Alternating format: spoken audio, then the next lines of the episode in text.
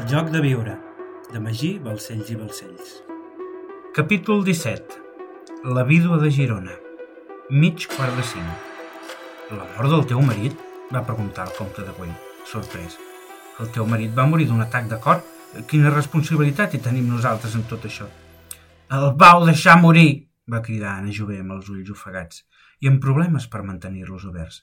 El vau deixar allà sol per anar a veure aquell pretensiós científic. Però a què s'està referint? va dir Clotilde Ricard. Va morir per culpa vostra, va cridar ella mentre començava a plorar. Sou tots uns fills de puta. Em sembla que la senyora de Girona ha begut massa, va dir Amàlia Udó. No he begut massa. Estic bé, begut no estic be beguda, va cridar ella, ajuntant les paraules de forma borrosa. El teu marit va morir d'un atac de cor, va dir-li Isabel Llorac. No va ser culpa nostra, Anna. El vau deixar morir, va dir ella plorant. El vam deixar morir i per això et venges d'aquest joc? va preguntar Milans del Bosc. Sí, he estat jo. Jo he inventat tot això per venjar-me, va cridar Anna Jové. Ho dius de veritat, Anna? va dir Isabel Llorac, sorpresa. No, clar que no, però tant de bo ho hagués fet jo, va dir Anna Jové, aixafant-se les paraules a causa de l'accés d'alcohol. El vau matar vosaltres, va arrencar a plorar tot tapant-se la cara. Està molt beguda, va dir Lluís Llorac. El meu cunyat va morir d'un atac de cor, va dir Lluís Ferrer Vidal, indignat. El vau deixar morir, va cridar Anna Jové. Anna Jové i Peix havia arribat a viure a les dotze del matí, procedent del castell del Remei, el lloc on estiuejava, acompanyada del seu xofer amb un impressionant Benz 1030 PS, descapotable de color blanc. Era una dona elegant de 66 anys, més aviat baixa i prima, d'ulls verds, cabell castany amb nombroses canes, tracte afable i educat i un punt d'humor molt poc habitual entre la classe social i molta sobrietat en les formes. Precisament per aquest fet, en veure-la en aquelles condicions, tothom va entendre que l'alcohol l'estava començant a afectar i que, en conseqüència, els sentiments envers la mort del seu marit afloraven i la feien actuar de forma impulsiva. Vestia de negre rigorós pel dol del seu marit, Ignasi Girona i Vilanova, qui havia mort d'un atac de corn el mes de març, feia tot just cinc mesos. Ignasi Girona i Vilanova havia estat un important enginyer agrònom, propietari de la finca i del cellers Castell del Remei i polític de la Lliga Regionalista, casat en primeres núpcies amb Concepció Ferrer Vidal i Soler i en segones núpcies amb Anna Jove i Peix. Ell us va avisar que no es trobava bé i el vau deixar allà, va cridar la vídua de Girona. Va morir per culpa vostra. La vídua de Girona, tal com se la coneixia des de la mort del seu marit, havia nascut el 1857 a la casa Peix Traveria de Barcelona, al carrer de Portaferrissa 25, exactament al mateix emplaçament on hi havia hagut el Palau Gralla. Pertanyia a una destacada família de banquers, descendents dels Jové de Copons, aquella família de traginers procedents d'un cavaler de les Piles que havien fet una fortuna comercial. Així, la senyora Anna era família d'Antoni Maria Jové i de Consuelo Jové, encara que de forma molt llunyana. La vídua de Girona era filla de Josep Jové i Sans, comerciant i prestador, i d'Antònia Peix Traveria, pubilla barcelonina d'una família de rics comerciants, i era germana de Leandre Jové i Peix, el fundador de la banca Jové. Malgrat tot, però, si era una dona coneguda, no ho era per ser filla i germana de qui era, sinó per ser la vídua d'un Girona, la família de banquers més importants del país. La història dels Girona, de pagesos a banquers, era admirada per tots els burgesos snobs del país, qui envejaven el salt que la família havia fet amb la sola força del seu treball i la fortalesa del nucli familiar. Els Girona, propietaris agrícoles de Tàrrega des d'antic, van canviar la seva sort després de la Guerra de Successió, a principis del segle XVIII gràcies a les ànsies emprenedores de la família, un fet amb el qual van augmentar els seus guanys per haver aplicat noves tècniques al camp que van multiplicar el pes de les collites, una situació que, unida a la política matrimonial familiar i a la institució de l'hereu, van propiciar una acumulació de patrimoni important, prou per esdevenir comerciants. Arribats fins aquí, en una ciutat com Tàrrega en aquells moments, els comerciants actuaven també com a prestadors de diners, un fet molt comú en ciutats de comarques, i la família Girona va finançar empreses, projectes i famílies importants a tot l'Urgell, fins a esdevenir, sens dubte, la família més rica de la comarca. Quan Ignasi Girona i Targa, l'hereu, va marxar a Barcelona el 1806 per engrandir el seu nom i casa, va casar amb una filla de rellotgers d'origen suís, que li va donar quatre fills. A Barcelona va expandir el patrimoni familiar, dedicant-se al món de les finances i a les inversions comercials, fet que li va permetre fundar una fàbrica d'indianes al carrer Alt de Sant Pere. El 1812 va fundar l'empresa Girona i Companyia amb els seus germans i dos socis més, que va esdevenir un conglomerat d'empreses diverses, de més de 70 companyies de capital exclusivament familiar, que esdevindria motor de la industrialització a Catalunya i convertiria el Girona en la família més activa de l'espai comercial, financer i industrial del país. Va educar els seus fills en el rigor i en una visió global de negoci i família, teixint una de les més exitoses xarxes burgeses del país, una família dirigida severament de forma patriarcal per ell, però amb llibertat perquè cadascun dels fills tragués el màxim profit de les seves capacitats.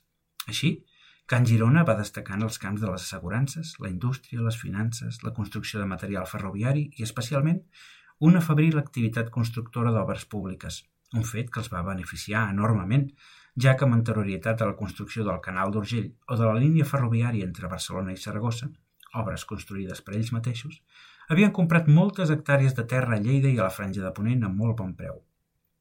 Arribats a aquest punt, van traslladar-se a viure al Palau dels Caral del carrer Ample de Barcelona, L'edifici on havia viscut el virrei mort en el Corpus de Sang, un edifici més digne i amb una història que engrandia la seva posició. Quan Ignasi Girona i Targa va morir el 1867, havia multiplicat per 125 el patrimoni heretat dels seus pares, un fet absolutament inaudit. S'havia convertit en el primer contribuent de Catalunya i la seva fortuna era la més important del país, valorada en més de 3 milions de pessetes. A diferència de la tradició rural i agrària que els Girona havien practicat fins al moment, el patriarca va dividir el patrimoni entre els seus fills a parts iguals, deixant la terra històrica de la família al seu fill Ignasi, el que més proper a ell havia estat durant tota la vida. Els germans, Manuel, Ignasi, Jaume i Casimir, tal com els havia transmès el pare, van formar un equip efectiu i poderós, que seria recordat durant generacions com el més emprenedor de la burgesia barcelonina del segle XIX convertint-se en l'ideal de família burgesa de la seva època, perquè cadascun d'ells liderava un sector econòmic diferent i tots van casar amb estratègiques famílies. Cadascú exercia el seu paper a la perfecció i tots treballaven amb el mateix objectiu. Així, mentre Manuel exercia la funció de president de Can Girona, sobretot en l'àmbit de representació, Jaume s'encarregava dels afers a Madrid i fora de Catalunya, i Ignasi i Casimir eren al peu del canó, treballant a l'ombra i s'encarregaven de la gestió diària de les companyies. D'aquesta manera, tal com els havia transmès el seu pare, amb treball i esforç, es van dedicar a modernitzar Catalunya, a fer coses útils pel país, coses que ajudessin a millorar l'economia catalana i, per conseqüent, també la seva. En aquest sentit, van finançar i impulsar obres faraòniques i determinants per Catalunya, com el Canal d'Urgell, que va propiciar una autèntica revolució agrària a Ponent, convertint desenes de milers d'hectàrees d'estepa de secà en terra fèrtil de regadiu, o les línies ferroviàries de Barcelona-Granollers i Barcelona-Saragossa, a més a més de construir ponts i carreteres i de fundar el primer banc d'emissió del país, el Banc de Barcelona. Per si no fos suficient, van sufragar de la seva butxaca la nova façana neogòtica de la Catedral de Barcelona i van estar involucrats en la construcció de la Universitat de Barcelona i el Gran Teatre del Liceu, motiu pel qual tenien en propietat tres llotges i 72, i 72 butaques. La família Girona era un referent burgès únic. Sense ells no es podia entendre la revolució industrial a Catalunya i, a més a més, eren admirats no només per la burgesia, sinó que gran part del poble ras també ho feia. A diferència de la resta de la burgesia, de la rosa de mostrar-se rica en fatxenderia i d'aparentar poder, els Girona eren humils i fins i tot havien rebutjat ennoblir-se quan Alfons XII els va oferir esdevenir marquesos del Pla de Barcelona o comtes d'Urgell en recompensa per haver contribuït a la finalització del canal d'Urgell. Ignasi Girona i Vilanova, el marit de la senyora Anna Jové i Peix era fill d'Ignasi Girona i Argafel, un dels quatre germans que van engrandir l'imperi de Can Girona, i havia dedicat la seva vida a aixecar una bodega sobre les terres de Lleida que havia comprat el seu avi, entorn al castell del Remei, amb l'objectiu d'establir uns cellers moderns i una marca de vi en prestigi, a imatge i semblança dels vins francesos. A més a més, com a polític de la Lliga i en la seva condició de diputat al Congrés, va instar el govern a la promulgació de la llei de sindicats agrícoles i com a burgès important va promoure la fundació de la Caixa de Pensions per a la Bellesa i Estalvis de Catalunya i Balears, conjuntament amb el seu cunyat Lluís Ferrer Vidal. Avelino, porti un cafè amb sal i una gibrella, va dir Maria Cristina Güell. Queden plats i vins encara, no aguantarà si no vomita. Uns quants més haurien de vomitar, va dir Lluís Llorac. El meu marit va morir per culpa vostra, va dir una altra vegada la vídua de Girona, fent callar tots els presents. Es repeteix més que l'all, va exclamar Milans del Bosc, mofant-se. El senyor Cert el va deixar morir per anar a veure aquell científic, va dir Anna Jové. A quin científic es refereix? va preguntar el comte de Güella Domènec Cert. A Einstein, va respondre Domènec. El senyor Girona va morir mentre Einstein era a la mancomunitat. I per què t'acusa tu? va preguntar Antonio Bertran i Mosito al seu marit Domènec. Albert Einstein va venir a Barcelona a principis d'any, al febrer, convidat per Esteve Terrades i la Mancomunitat. Havia de pronunciar tres conferències, va dir Domènec. La teoria de la relativitat, va puntualitzar Edith el llaurador. Sí, una teoria que no va entendre ningú, va dir Guillem de Pallejar. Home, les va fer en alemany, va dir Edith de llaurador. Les persones presents a la conferència que parlaven alemany tampoc van entendre res, va replicar Guillem. El president de la Mancomunitat de Catalunya el va portar a visitar el monestir de Poblet, va dir Antoni Maria Jové. Puig i cadafalc per Poblet a Mainstein? Quina estampa, no? va dir Paco de Mercader fent broma. Visitar Poblet amb un arquitecte de la talla de Puig i Cadafalc és un honor. Ningú està en millors condicions d'explicar el gòtic català que Puig i Cadafalc, va respondre Edith de Llaurador. A no ser que l'explicació li fes en català, perquè si és així, Einstein no devia entendre res, va dir Milans del Bosc fent néixer algunes rialles. Einstein reconeixia Catalunya com una vella nació, va dir el comte de Güell. Sí, clar, va dir Milans del Bosc, indignat. Einstein, després de visitar Catalunya, va dimitir del Comitè d'Intel·lectuals de la Societat de Nacions per la manca de suport moral a les minories nacionals en la seva lluita contra l'opressió, va dir Lluís Ferrer Vidal. Com a científic potser era un geni, no ho dubto, però està clar que en el món de la política, va dir Milans del Bosc. El que diu el comte de Güell és cert. Pensava erròniament, està clar, que Catalunya era una nació. A més a més, és comunista. Es va reunir amb Àngel Pestanya, va visitar la CNT i fins i tot va esperonar els anarquistes. Els hi va dir literalment que vosaltres sou revolucionaris del carrer i jo de la ciència. Ens estem desviant una mica del tema, no? va dir Maria Cristina Güell. Per què la senyora de Girona diu que vas deixar el seu marit allà, Domènec? La sessió inaugural de les conferències van ser al Palau de la Generalitat, explicava Domènec. Voldràs dir Palau de la Diputació Provincial, no? el va tallar Milans del Bosc. La Diputació Provincial de Barcelona i la Mancomunitat tenen la seu al Palau de la Generalitat, va sentenciar Lluís Ferrer Vidal. Antic Palau de la Generalitat, voldràs dir, va puntualitzar Paco. La Generalitat fa més de 200 anys que no existeix. És cert, fa més de 200 anys que no existeix, va dir Lluís Ferrer Vidal. Però així i tot, el lloc que ocupa la Diputació Provincial de Barcelona i la Mancomunitat continua sent el Palau de la Generalitat i continuarà sent el Palau de la Generalitat encara que l'ocupés una entitat bancària, un museu o una verduleria. Pots convertir el Palau Reial de Madrid en un casino, si vols, però continuarà sent el Palau Reial, no? Volem no perdre's en absurditats lèxiques i en el fons de la qüestió, si us plau, va dir Maria Cristina Güell. Domènec, què va passar amb Ignasi Girona? El mateix matí que Einstein va pronunciar el primer discurs, Ignasi Girona em va venir a visitar a Foment del Treball explicava Domènec. Es va presentar de bon matí per parlar-me d'uns temes que el preocupaven. Ell era president de l'Institut Agrícola Català de Sant Isidre i tenia la intenció de crear un banc agrari català. Eh, per aquest motiu em va venir a veure, perquè Foment del Treball hi col·laborés. Eh, el cas és que a mitja reunió em va dir que sentia un dolor a la part superior de la panxa i que necessitava estirar-se una mica. Es va estirar al sofà del despatx i em va comentar que devia ser una indigestió. Immediatament vaig donar ordre a la secretària que avisés un metge i jo vaig haver de marxar cap al Palau de la Generalitat a veure el científic. El vas abandonar, va cridar Anna Jové. Com vaig tornar de veure Einstein, Ignasi ja era mort, va dir Domènec.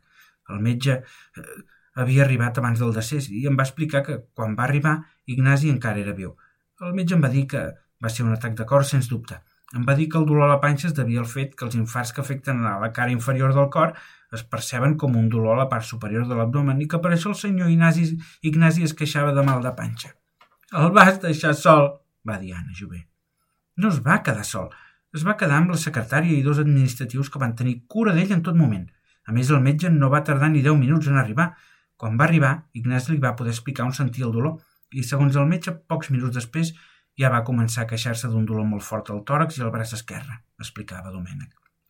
I pocs minuts després va perdre el coneixement i se li va aturar el cor. El metge va intentar reanimar-lo, però no va ser possible. Senyora, el cafè amb sal, va dir Avelino. Anna, t'hauries de beure aquest cafè. farà que et sentis millor, va dir Isabel Llorac. No em penso veure res, va dir ella. Va, Anna, ja veuràs, va dir-li Lluïsa Llorac. Et passarà tot. Que no em penso veure res, va insistir. Avelino, porti un embut, va dir Milans del Bosc. No pretendràs fer-la veure la força, va preguntar Amàlia Godó. Domènec, va dir el senyor Lluís Ferrer Vidal. Jo era present a la primera conferència i, i no recordo pas que hi fossis. Pel camí va sorgir un imprevist, va dir Domènec. Un imprevist? va dir Isabel Llorac. Eh, sí, va contestar ell. Ho veieu com menteix? Va dir Anna Jové. Per què ens has dit que havies assistit a la conferència d'Einstein si no és cert? va dir Guillem de Pallejà. L'embut, senyor, va dir Avelino. Al moment, tres homes es van aixecar i es van acostar a la senyora Anna Jové, mentre l'immobilitzaven pels braços i les cames, alhora que li posaven l'embut a la boca i li feien aixecar el cap. Un d'ells va agafar el cafè amb sal. Va remenar bé perquè es dislogués tot i ho va tirar dins l'embut mentre li tapaven el nas perquè ho engolís tot. Al moment va començar a arquejar-se i va vomitar. Domènec, pel camí va sorgir un imprevist? va preguntar Maria Cristina. Quin imprevist? El joc de viure, de Magí, Balcells i Balcells.